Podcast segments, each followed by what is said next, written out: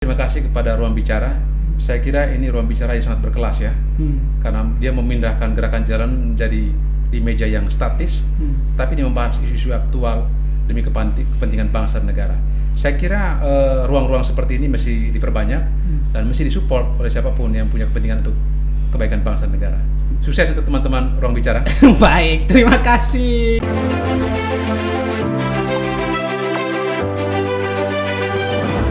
Baik, jumpa lagi hari ini kita di ruang bicara yang mana hari ini kita sudah kedatangan tamu yang sangat spesial tentunya. Terima kasih untuk Kakanda, Abangda, Bang Wempi hadir eh, salah satu pengamat politik nasional. Nah, jauh berkesempatan hadir di ruang bicara yang mana uh, pada kesempatan hari ini lebih kita bicara spesifik tema terkait dengan tiga periode presiden ini merupakan tantangan, peluang ataukah merupakan jebakan bagi demokrasi Indonesia dan bahkan bagi uh, konstelasi politik nasional kita. Pe- perihal tiga periode ini, Bang. Hari ini di dunia nyata kita dan bahkan di media sosial banyak platform-platform yang terpampang memuat soal keberlanjutan periode Pak Presiden Jokowi untuk di tiga periode. Melihat masalah ini seperti yang menjadi tema besar kita hari ini adalah menjadi peluang ataukah menjadi tantangan menurut Kakanda sebagai se- seorang pengamat politik. Dipersilakan Kanda. Baik, terima kasih. Yang pertama saya mengucapkan terima kasih ya sudah diundang ke ruang bicara. Ini kehormatan buat saya Baik. karena ini baru pertama kali saya diundang di podcast. Hmm. Jadi saya kira ini adalah apa namanya semacam groundbreaking ya bagi saya. Oke. Nah saya melihat eh, bicara soal peluang atau jebakan, saya melihat ini hanya jebakan. Oke. Nah mengapa? Kalau kita melihat pernyataan Pak Jokowi selama ini, Hmm. dia mengatakan bahwa dia tidak tidak akan ingin maju lagi. Hmm. Nah oleh karena itu menurut saya mestinya eh, publik dan dalam hal ini elit politik Hmm. membaca pesan Pak Jokowi bahwa dia tidak mau dijebak dalam permainan politik 2024. Artinya Nah, secara nurani Pak Jokowi personality tidak menginginkan untuk melanjutkan Tidak tiga periode. menginginkan dan itu sangat keras dia menyatakan itu di ruang Hmm. publik. Iya betul. Itu yang pertama. Yang kedua, kalau dia tidak mau, berarti dia dijebak. Hmm. Nah, pertanyaannya adalah siapa yang menjebak Pak Jokowi? Nah, suka tidak suka, Pak Jokowi itu mempunyai kekuatan politik Mhm. yang menjadi magnet bagi politisi siapa pun, Hmm. terutama para capres. Oleh karena itu, mereka mendompleng kekuatan politik Jokowi untuk kepentingan elektoral mereka. Hmm. Maka tidak salah kalau kita melihat para aktor yang bermain hari ini adalah mereka-mereka yang mempunyai afiliasi dengan figur tertentu untuk menaikkan posisi tawar mereka. Hmm, Untuk Contoh, menjelang 2024 menjelang maksudnya? 2024. Hmm. Nah, sementara kalau kita melihat merujuk ke konstitusi, konstitusi Betul. kita, Hmm. itu pasal 7 Undang-Undang 45 itu sudah tegas dan jelas menyatakan bahwa jabatan presiden itu hanya boleh dua periode. Hmm. Oleh karena itu kalau terjadi misalnya tiga periode, maka langkah pertama yang perlu dilakukan adalah mengubah undang-undang. Hmm. Nah, waktu kita dari sekarang sampai 2024 itu sudah sangat pendek. Sangat pendek. Mengubah undang-undang itu tidak mudah, Hmm. apalagi di era pandemi kayak begini. Hmm. Oleh karena itu menurut saya ini hanya jebakan saja. Hmm. Jebakan kepada eh, Pak Jokowi itu yang pertama, yang kedua ingin menarik keuntungan lebih besar daripada kekuatan politik Jokowi agar dimigrasikan kepada kelompok tertentu.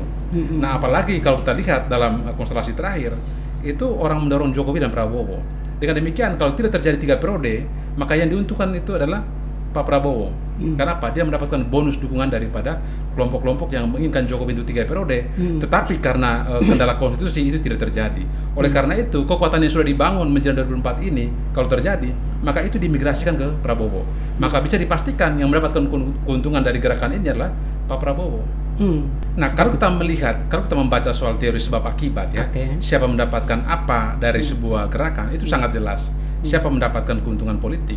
Menurut saya dari eh, isu yang ada belakangan ini, Pak Prabowo yang mendapatkan keuntungan cukup besar Hmm. secara elektoral, bisa menaikkan posisi tawar dia. Hmm. Dan kebetulan juga pada sisi yang lain, Hmm. Pak Prabowo itu udah kehilangan kekuatan sebenarnya. Hmm. Karena apa? Pasca dia masuk dalam koalisi, Hmm. sudah banyak gerbong-gerbong itu meninggalkan Prabowo. Ya. Dengan demikian dia mesti mencari cara untuk menambah dukungan. Nah, Hmm. cara yang paling efektif adalah menarik gerbongnya Pak Jokowi. Hmm. Dan itu menjadi magnet yang utama. Oleh karena itu, nama Pak Jokowi didompleng Hmm. untuk menaikkan tawar mereka. Lalu yang ketiga, kita tahu bahwa dari hasil survei itu muncul figur-figur yang teratas. Oke. Ya, seperti Pak Ganjar Pranowo, Anies Baswedan, terus muncul Hmm. juga nama lain seperti eh, AHY, Erlangga, dan juga Ridwan Kamil dan sebagainya. Banyak figur-figur baru lah. banyak, banyak figur baru. Hmm. Dan kalau kita lihat di media sosial hari ini, eh, Bung, Hmm. Itu pendukung Jokowi, relawan-relawan Jokowi sudah menyatakan dukungan kepada figur tertentu. Mm-mm. Contoh misalnya ke Ganjar Pranowo. Hmm. Dan ini kepanikan bagi elit tertentu Hmm. yang merasa bahwa jangan sampai semua kekuatan politik Jokowi ini dimigrasikan kepada satu kelompok saja. Hmm. Sebentar hari ini mereka masuk dalam kekuasaan. Nah ini yang mereka, mereka manfaatkan sehingga kekuatan Jokowi ini tidak full kepada satu figur tertentu, tapi Hmm. akan dibagi ke uh, figur-figur yang lain seperti uh, Prabowo. Hmm. Karena kan kalau kita lihat di uh, media sosial hari ini betul. sudah puluhan uh, relawan itu yang menyatakan dukungan terhadap Ganjar Pranowo Hmm. dan ini menjadi ancaman bagi uh, apa ya elit-elit lain yang mempunyai hasrat untuk menjadi capres 2024 Hmm. dengan demikian mereka mencuri start Oke. ya melakukan gerakan politik Nah, gerakan Begitu. politik yang dibangun hari ini tentu sangat mempengaruhi psikologi massa, psikologi masyarakat Indonesia. Lagi pula kita menghadapi situasi pandemi COVID-19. Nah, benturan-benturan politik yang dimainkan ini tentu eh, akan memecah konsentrasi pemerintah sebenarnya dalam menangani pandemi COVID-19. Dan juga ketika usulan banyak tanggapan masyarakat menginginkan hal yang sama untuk melanjutkan tiga periode kan bisa saja undang-undang bisa dirubah kira-kira Iya. begitu, Pak. memang kalau kita secara matematis kalau kita melihat kekuatan politik Jokowi hari ini itu ada 74,26 persen Oke. ya koalisinya artinya apa secara statistik ini sangat dimungkinkan untuk berubah undang-undang Mm-mm. dalam tempo yang singkat ya kan. Tetapi kalau kita melihat secara fair di negara demokrasi apa- eh, di mana pun, terutama negara-negara modern seperti Amerika, konstitusi itu filosofinya adalah how to limit the power, Mm-mm. bagaimana membatasi kekuasaan. Hmm. Nah, bagaimana mungkin ya setiap saat kita akan membatasi eh, membahas konstitusi, artinya apa? Kita tidak settle dalam berdemokrasi. Jadi siapa pun presidennya, kalau dua periode itu sudah harus, sudah harus melakukan regenerasi, Hmm. melakukan kaderisasi politik. Dengan demikian ekologi demokrasi itu sehat. Karena apa? Kalau tidak terjadi transisi kekuasaan secara baik, itu Hmm. pasti akan ada bencana demokrasi. Oke. Dan itu kita sudah pernah lewati. Hmm. Zaman Pak Soekarno, zaman Pak Soeharto. Saya kira ini menjadi pelajaran penting buat bangsa kita, Hmm. buat pemimpin kita agar tidak jatuh pada lubang yang sama. Dan Hmm. saya kira Jokowi sangat paham. Dia tidak mau tercatat sebagai presiden dalam Ya. apa, Terulang masa, kembali masa order kelam dalam- hari ya. begini, tidak mau terulang kembali. Hmm. Dan Jokowi mesti paham dan tidak boleh terjebak dalam permainan politik eh, elit Hmm. untuk kepentingan eh, kelompok tertentu. Artinya sangat butuh kelihayan dan ketelitian Pak Presiden dalam melihat eh, pembantu-pembantu pembantunya ini karena bisikan ini kan tidak mungkin juga dari luar, tapi mungkin saja orang-orang terdekatnya Pak Presiden. Betul. Jokowi itu orang baik, Mm-mm. ya. Dia tulus dalam mengabdi. Hal ini bisa dilihat. Dia tidak mengurus hal yang teknis dalam kekuasaannya. Oke. Itu diserahkan kepada pembantu-pembantunya. Dan ini menjadi pembeda dengan dia eh, dia dengan presidennya sebelumnya Hmm. yang terjebak dalam urusan teknis, urusan proyek dan lain sebagainya dan itu bisa di tracking. Hmm.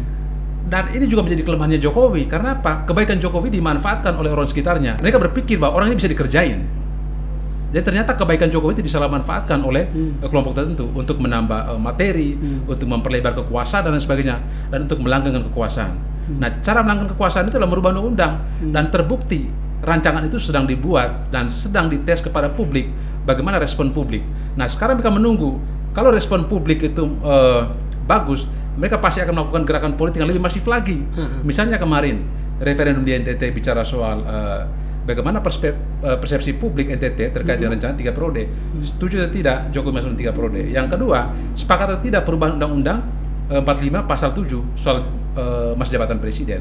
Hmm. Saya kira gerakan ini akan semakin melebar, tidak hanya di NTT, mungkin akan digeser ke eh, Bila-bila pelosok- Sumatera, pelosok, ya.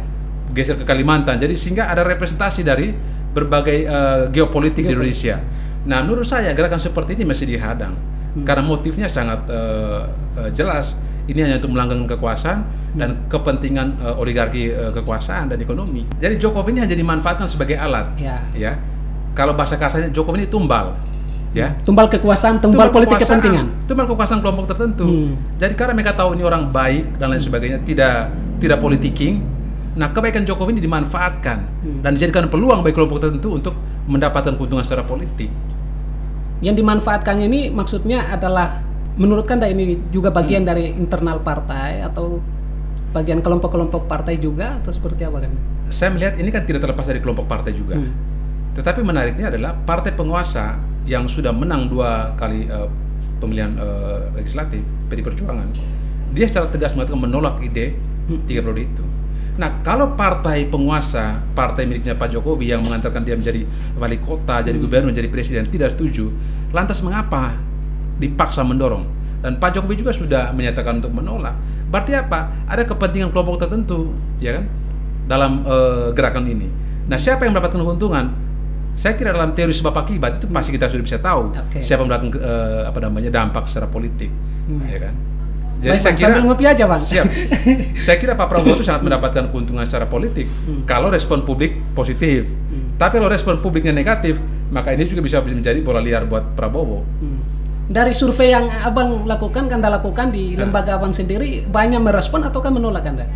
Nah, kalau kita belum pernah melakukan survei, Oke, tapi kalau oke. kita berkaca terhadap lembaga uh, survei Mhm. yang melakukan survei persepsi publik, saya melihat bahwa respon publik itu sangat rendah. Hmm. Prabowo hari ini itu lampu merah sebenarnya. Karena apa? Dia berkali-kali menjadi capres, tetapi dia tidak bisa mendominasi calon yang lain. Ya. Secara matematis, mestinya dia mendominasi Hmm. calon-calon pendatang baru. Katakanlah seperti Ganjar Pranowo, Hmm. terus Anies Baswedan, Ridwan Kamil dan sebagainya. Tetapi faktanya kan dari berbagai hasil survei, Mhm. dia tidak jauh berbeda dengan Jan- Ganjar Pranowo, Hmm. terus Anies Baswedan yang notabene mereka pendatang baru Hmm. dalam kontestasi pilpres. Hmm. Dengan demikian dalam teori efektivitas, Oke. maka dilihat dari eh, apa namanya elektabilitas yang ada, Ganjar Pranowo itu jauh lebih efektif Hmm. elektabilitasnya ketimbang Prabowo dan Anies Baswedan. Anies itu pernah masuk dalam konvensi Demokrat dari 2014 menjelang Pilpres 2014. Dengan demikian dia sudah punya moral sosial Hmm. yang melampaui misalnya Ganjar Pranowo. Prabowo sudah dua kali capres, sekali menjadi cawapres. Artinya mestinya secara matematis dia Hmm. melampaui kader-kader yang baru. Tapi Hmm. kenyataannya kan tidak. Nah, karena menjadi fakta ini eh, menjadi kelemahan buat Prabowo, maka gerakan politik seperti kemarin itu saya kira itu adalah sebuah eh, reaksi terhadap situasi yang ada hari ini yang dimiliki oleh Pak Prabowo. Baik. Sambil ngopi aja kan, Siap. biar santai nih. Kopinya kan enak ini. Kopi enak ini.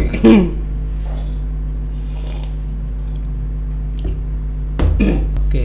Nah, Kanda ini menarik sekali kembali ke Ganjar, Pak. Hmm. Nah, ini kan sangat berpengaruh penting juga dan juga figur baru. Pemimpin yang menurut sebagian besar eh, masyarakat Indonesia ini pemimpin yang lumayan baik di Iya. sedataran Jawa, terutama di Jawa Barat. Eh, usulan tanggapan masyarakat untuk me- mendorong Pak Ganjar di Pilpres 2024 nanti juga sangat kencang. Nah, tetapi belakangan kita sama-sama tahu secara internal partai di PDIP sendiri eh, latar belakangnya partai Pak Ganjar juga mendorong eh, figur Lain. lain yang tadi disebutkan eh, Ibu Puan Maharani. Nah ini kan justru memberi dampak yang besar terhadap geopolitik dan kekuatan strategi juga di secara internal partai untuk mendorong kaderisasi pembangunan karena melihat ini seperti apa. Pilpres, terus pilkada, eh, gubernur, wali kota, dan bupati itu pesonanya ada pada figur, Hmm. bukan pada kekuatan partai. Dengan demikian, kalau kita berkaca pada pilkada-pilkada sebelumnya, bahkan Jokowi sendiri bukan lahir dari kader partai. Hmm. Kemudian dia menjadi wali kota, jadi gubernur, dan jadi presiden. Lalu yang berikutnya adalah yang paling nyata Anies Baswedan. Hmm. Dia bukan kader partai politik, tapi karena pesona figurnya oke, ya kan, elektabilitasnya oke dan sebagainya, Hmm. kemudian partai berbondong-bondong untuk meminang. Lalu Oke. contoh juga Ridwan Kamil. Ridwan Kamil itu bukan orang partai seperti eh, orang-orang partai yang lain. Hmm. Dia dibina oleh partai last minute. Hmm. Kofifa juga demikian di Jawa, di Jawa Timur. Jawa Timur. Artinya ini menunjukkan kepada kita bahwa dalam kontestasi pilpres dan juga pemilihan kepala daerah, faktor yang paling menentukan itu adalah faktor soal figur. Hmm. Sejauh mana figur itu dikenal oleh publik, sejauh mana figur itu dicintai, sejauh mana figur itu dipilih dan disukai oleh masyarakat. Masyarakat. Oleh karena itu, seberapapun masifnya seorang figur melakukan gerakan politik, terus melakukan sosialisasi, tapi kalau dia tidak dicintai, dia tidak disukai oleh masyarakat, maka selama itu pun dia tidak akan terpilih. Prabowo itu siapa yang tidak kenal Prabowo hari ini? Hmm. Hampir seluruh orang Republik ini, dari orang kecil, anak kecil sampai orang dewasa, itu mengenal Prabowo. Mengenal Prabowo ya. Tapi Dua- mengapa tingkat keterpilihannya itu lebih rendah daripada Pak Jokowi? Hmm. Yang perlu diketahui, pilpres di kita ya pasca 98 sampai sekarang trennya adalah masyarakat kelas menengah ke bawah yang notabene mayoritas Hmm. itu mereka memilih pemimpin yang dekat dengan rakyat, Hmm. sederhana, Hmm. tidak ele- eh, tidak elitis dan sebagainya. Programnya adalah pro rakyat dan sebagainya. Apalagi otoriter dan lain sebagainya. Otoriter itu udah tinggal karena itu bukan bukan zamannya lagi di era sekarang.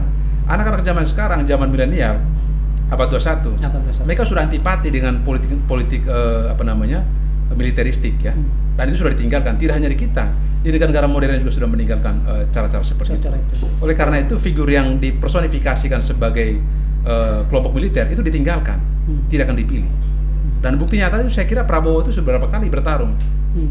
dengan sekuat tenaga dia melakukan gerakan politik tapi tidak mendapatkan dukungan yang signifikan. Sementara Pak Jokowi yang notabene kita tahu bahwa dia lahir dari orang kecil ya Hmm. kan dan memang secara personal image dia itu adalah orang yang sederhana, Hmm. dekat dengan rakyat dan lain sebagainya. Dan saya kira ke depan eh, presiden yang akan dipilih oleh masyarakat itu adalah eh, personal image-nya seperti itu, dekat dengan rakyat, tidak Hmm. berjarak, tidak elitis dan sebagainya. Dan itu saya kira ada semua di eh, figur-figur kepala daerah. Hmm. Tinggal kita bikin ranking seperti apa. Saya kira kita punya banyak lumbung ya, lumbung kader, lumbung pemimpin, Hmm. bupati, wali kota, dan gubernur. Mengapa kita mendorong tiga periode presiden? Ya. Sementara banyak figur-figur dari dalam partai politik, dari eh, kepala daerah, dari kelompok profesional, saya kira banyak sekali. Hmm. Tinggal kita mau legowo aja untuk transisi kekuasaan secara baik. Hmm. Itu soal ini soal kehendak baik aja. Dan politik itu mesti ada etikanya. Betul. Tidak semua orang itu mau berkuasa. Nah dulu mengapa kekuasaan itu dibatasi? Hmm. Karena secara alamiah manusia itu ingin punya hasrat untuk ingin menguasai yang Ya, lain. tentu. Nah semakin lama dia berkuasa, maka cengkraman itu semakin dalam. Hmm. Nah oleh karena itu maka tidak ada apa ya, tidak ada power sharing. Hmm. Yang mendapatkan dampak kekuasaan hanya kelompok tertentu, Hmm. seperti zaman Pak Harto. Yang mendapatkan kekuasaan, yang mendapatkan kenikmatan apa segala macam itu adalah kroni-kroninya dan keluarganya. Hmm. Itu selama 32 tahun. Nah kita tidak boleh jatuh lagi pada fase sejarah seperti itu. Hmm. Mestinya sejarah itu menjadi pelajaran buat kita agar tidak jatuh pada lubang yang sama. Hmm. Nah saya kira kita mesti belajar dari sana. Ya itu tadi saya bilang, jadi kita kan jangan sampai ahistoris ya. Hmm. Jadi elit-elit kita, terutama teman-teman pengamat, jangan sampai ahistoris. Sejarah kita 98 itu adalah untuk menumbangkan otoritarianisme. Awalnya Soeharto itu orang baik, punya program yang oke dan sebagainya, bahkan diberi gelar Bapak Pembangunan, Bapak Pembangunan. Nasional. Karena apa? Banyak sekali pembangunan dibuat oleh Pak Pak Harto. Mungkin dia baik, tapi lagi-lagi seperti Pak Jokowi tadi, ini orang baik ya, sopan santun sangat tinggi, sederhana, merakyat dan sebagainya. Justru kebaikan ini dimanfaatkan oleh kelompok-kelompok sekitarnya. Jadi menurut saya Pak Jokowi apa yang mesti dilakukan? Hmm. Ya lagi-lagi saya mengatakan perlu ada investigasi internal. Perlu ada perapihan internal. Perapihan apa? Orang-orang istana mesti dilakukan investigasi. Hmm. Para menteri mesti di recall lagi, dipanggil kembali. Partai-partai koalisi di recall kembali. Hmm. Bahwa tugas terbesar kita bukan bicara soal 2024, tapi bicara soal bagaimana mengeluarkan kita dari pandemi COVID-19. Karena apa? Dampak pandemi ini kan dampak ekonomi, Hmm. ya bisa menciptakan krisis, dampak sosial, terjadi pengangguran di mana-mana dan sebagainya, PHK dan sebagainya, kesehatan. kesehatan dan lain sebagainya. Oleh karena itu menurut saya Pak Jokowi mesti melakukan recall, Hmm. national recall namanya, memanggil semua eh, ketua umum partai, terus elit-elit tertentu, terus eh, para pembantunya di lingkaran kekuasaan untuk memastikan bahwa tidak boleh ada manuver politik di Hmm. tahun pandemi. Hmm. Karena ini bukan tahun politik, ini tahun pandemi. Maka seluruh energi politik, energi bangsa mesti fokuskan kepada urusan pandemi. Hmm.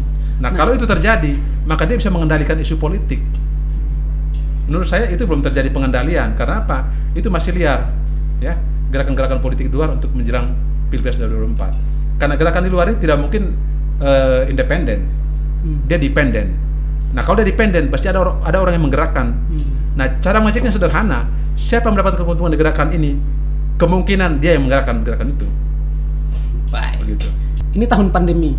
Nah, namun sebaliknya dengan kondisi yang tadi dijelaskan, banyak dimanfaatkan ke arah politik Hmm. yang eh, tidak sinkron dengan kepentingannya Pak Jokowi dalam menyelesaikan Ya. masalah pandemi ini. Dan banyak di antaranya juga diduga ada orang-orang yang juga dekat dengan Pak Presiden. Dalam hal ini juga bagian daripada menteri pembantu Pak Presiden. Eh, dengan ini apakah tegas Presiden harus melakukan reshuffle ataukah seperti apa? Karena ini juga penting untuk menyelesaikan masalah keu- masalah keuangan, masalah ekonomi, masalah kesehatan di rakyat ini. Tadi bicara soal yang pertama, tadi bicara soal apakah Jokowi tahu atau tidak, Hmm. dia dikerjain. Saya kira ini orang baik dan fokusnya hanya urus pandemi ya. Dengan demikian saya kira banyak isu yang dia terlewatkan, Hmm. terutama isu-isu yang mengerjain dia ya, yang Ya. apa namanya merugikan Pak Jokowi. Dan bukan baru kali ini, banyak sekali kebijakan-kebijakan sebenarnya itu yang kemudian Pak Jokowi telah tahu, Hmm. tapi udah keburu ke publik dan sebagainya. Itu itu menandakan bahwa Jokowi itu eh, sering dikerjain oleh orang bawahannya yang punya kepentingan eh, pragmatis. Itu yang Hmm. pertama. Yang kedua, ya saya kira tadi mesti ada langkah tegas ya Hmm. dengan melakukan recall ya. Hmm. Recall itu kan bisa melakukan evaluasi ya Hmm. terhadap menteri ya kan atau terhadap eh, partai yang mungkin melakukan manuver politik ya kan. Karena mestinya kan partai koalisi hari ini mestinya satu visi dengan Pak Jokowi. Betul. Ya, artinya ketika Jokowi mengatakan kita menyelesaikan uh, atau fokuskan seluruh energi kita kepada urusan pandemi agar kita bisa teratas dan semua bisa uh, tervaksin Hmm. seluruh rakyat Indonesia dan saya kira energi seluruh menteri seluruh partai politik uh, yang mendukung koalisi hari ini mestinya searah dengan Pak Jokowi. Hmm. Nah, tapi kalau kita melihat di ruang publik, saya kira uh, masih ada juga partai yang tidak tidak sejalan dengan Pak Jokowi. Hmm. Tapi mereka mengambil kesempatan dan momentum untuk mendapatkan uh, apa namanya uh, bonus secara politik Hmm. dengan melakukan gerakan uh, gerakan-gerakan tambahan tertentu. Nah, menurut saya Jokowi tidak bisa lagi bermain-main. Hmm. Mesti ada punishment ya terhadap uh, kelompok ataupun mungkin menteri-menteri yang memang tidak fokus lagi untuk urus pemerintahan, tidak fokus lagi untuk menjalankan kerja-kerja uh, di kementerian ya. Tinggal lihat saja siapa figur-figur yang memang mau cari, mau jadi capres atau cawapres, Hmm. tinggal diberi pilihan Hmm. mau fokus untuk capres dan cawapres atau mau melanjutkan Betul. pemerintahan untuk membantu Pak Menteri uh, Pak uh, Jokowi. Pak Jokowi. Nah, saya kira uh, tidak bisa lagi main-main seperti Ya. periode yang pertama ada uh, apa namanya apologize dan sebagainya. Jadi mesti tegas karena apa? Jokowi tidak mempunyai kepentingan politik lagi, mestinya tidak mempunyai beban lagi Hmm. untuk melakukan eksekusi yang seperti ini. Hmm, Karena ada pembantu-pembantunya ini sudah sudah bisa kerja secara maksimal. Betul, dan dia tidak punya kepentingan politik, politik lagi, tidak akan maju lagi. Hmm. Nah, kalau pemikiran ini yang dipakai oleh Pak Jokowi, saya kira kabinet ini akan lebih eh, apa, kompak, Kompak. untuk bersama Pak Jokowi. Hmm. Kalau tidak ya mereka hanya menggunakan kekuasaan ini untuk kepentingan elektoral, Hmm. menaikkan citra, menggunakan fasilitas pemerintah untuk eh, mendapatkan popularitas dan lain Hmm. sebagainya. Saya kira ya yang rugi Pak Jokowi sendiri. Ya. Seluruh program tidak bisa ter- tidak bisa eh, di apa namanya eksekusi dengan baik, tidak bisa dieksekusi semua. Tetapi yang ada adalah kepentingan eh, kelompok elit yang tereksekusi dengan baik, Hmm. Terutama yang mau maju jadi capres dan cawapres. Hmm.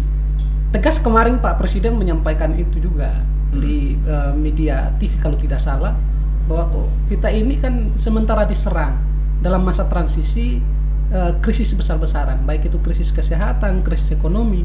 Nah, dan pesan Kanda itu pun juga sangat penting sebenarnya dan menjadi presiden juga harus mengambil sikap tegas dalam bentuk punishment ini dalam hal ya kalau tidak bisa kerja ya sudah diresaffelkan sekalipun itu last minute ini kan last minute ini Pak Presiden ini Betul.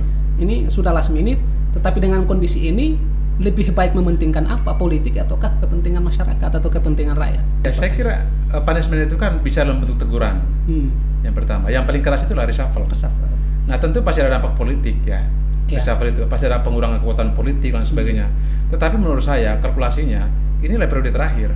Ya. Kalau memang benar Jokowi tidak punya kepentingan politik lagi di 2024, maka saya kira tidak ada keraguan lagi. betul Ya kan kalau seandainya ada goncangan politik karena tidak punya kepentingan lagi. Hmm. Nah, tapi publik akan ragu kalau seandainya tidak ada punishment dan sebagainya. Seolah-olah gerakan ini adalah gerakan direstui oleh istana. Hmm. Nah, maka untuk menghindar menghindar asumsi seperti itu, Jokowi mesti bersikap. ya Kalau seandainya temuan-temuannya adalah aktor daripada gerakan politik ini adalah orang internal istana. Internal istana. Misalnya menterinya atau Hmm. mungkin pejabat penting di sana. Nah, kalau memang terlibat, maka tidak boleh ragu untuk melakukan eksekusi eh, atau memberikan punishment Hmm. sampai kepada titik eh, reshuffle dan sebagainya. ya Karena ini menjadi benalu kekuasaan. Nah, ini penting ini. Gitu. Benalu kekuasaan ini semakin lama di Iya, eh, dan di- dia, dia akan menggerogoti kekuasaan Mm-mm. dan itu rusak. yang pada akhirnya menjadi ancaman bagi Ancaman bagi Ya, Jokowi sendiri. Jokowi sendiri dan juga bahkan menjadi eh, ancaman bagi geodemokrasi dan politik Indonesia. Betul. sendiri. Baik. Barangkali demikian ya. Terima kasih untuk Kakanda, Abangda, Abangku. Semoga sehat selalu Kanda ya. Siap. Ya di musim pandemi ini ya semoga Kanda dan keluarga juga dijauhkan dari penyakit, Amin, amin. dari virus yang hari ini melanda. Siap. Nah, diberikan kemudahan rezeki dan lain sebagainya. Amin. Kebaikan-kebaikan hidup. Amin. Insya Allah bang ya. Insya Allah. ya oke baik. Terima kasih kakandaku Bang Wempi hadir sudah berkesempatan di ruang bicara eh, memberikan pengetahuan, memberikan pengalaman dan bahkan penjelasan yang cukup komplit sebenarnya. Dalam bentuk pesannya juga ada nilai-nilai ketegasan yang harus disampaikan kepada Pak Presiden Jokowi. Terakhir Kanda, apa pesan terpentingnya Kanda di dalam kesempatan ini, dalam tema yang besar ini? Iya. Menurut saya pesan saya adalah Jokowi mesti melakukan eh, konsolidasi ulang kekuatan politiknya Hmm. dan juga kekuasaannya agar di waktu yang tersisa ini dia bisa memberikan yang terbaik ya. Hmm. Ini pemberian yang terbaik yang terakhir dari Jokowi untuk bangsa negara ini. Oleh karena itu kelompok-kelompok yang memang tidak lagi sejalan dengan Pak Jokowi sudah saatnya diganti dengan kelompok atau figur-figur yang lain. Hmm. Dan saya kira bangsa Indonesia tidak kekurangan orang-orang terbaik Mm-mm. yang punya hati, punya visi yang sama dengan Pak, Pak Jokowi untuk mengabdi kepada bangsa negara dalam situasi yang sulit seperti ini. Baik. Saya kira itu pesan saya untuk Pak Jokowi. Baik, terima kasih. Kurang lebihnya saya mohon maaf, Adinda mohon Siap. maaf kalau ada terdapat kekurangan dan lain sebagainya. Terima kasih kepada ruang bicara. Saya kira ini ruang bicara yang sangat berkelas ya, Hmm. karena dia memindahkan gerakan jalan menjadi di meja yang statis, Hmm. tapi dia membahas isu-isu aktual demi kepentingan bangsa dan negara. Saya kira eh, ruang-ruang seperti ini mesti diperbanyak Hmm. dan mesti disupport oleh siapa pun yang punya kepentingan untuk kebaikan bangsa dan negara. Sukses untuk teman-teman ruang bicara. Baik, terima kasih. Oke, teman-teman sekalian, semoga eh, kita semuanya selalu sehat, baik yang eh, menonton video ini tentunya dan di mana pun berada, semoga diberikan kesehatan dan keselamatan. Amin. Mari, assalamualaikum. Waalaikumsalam.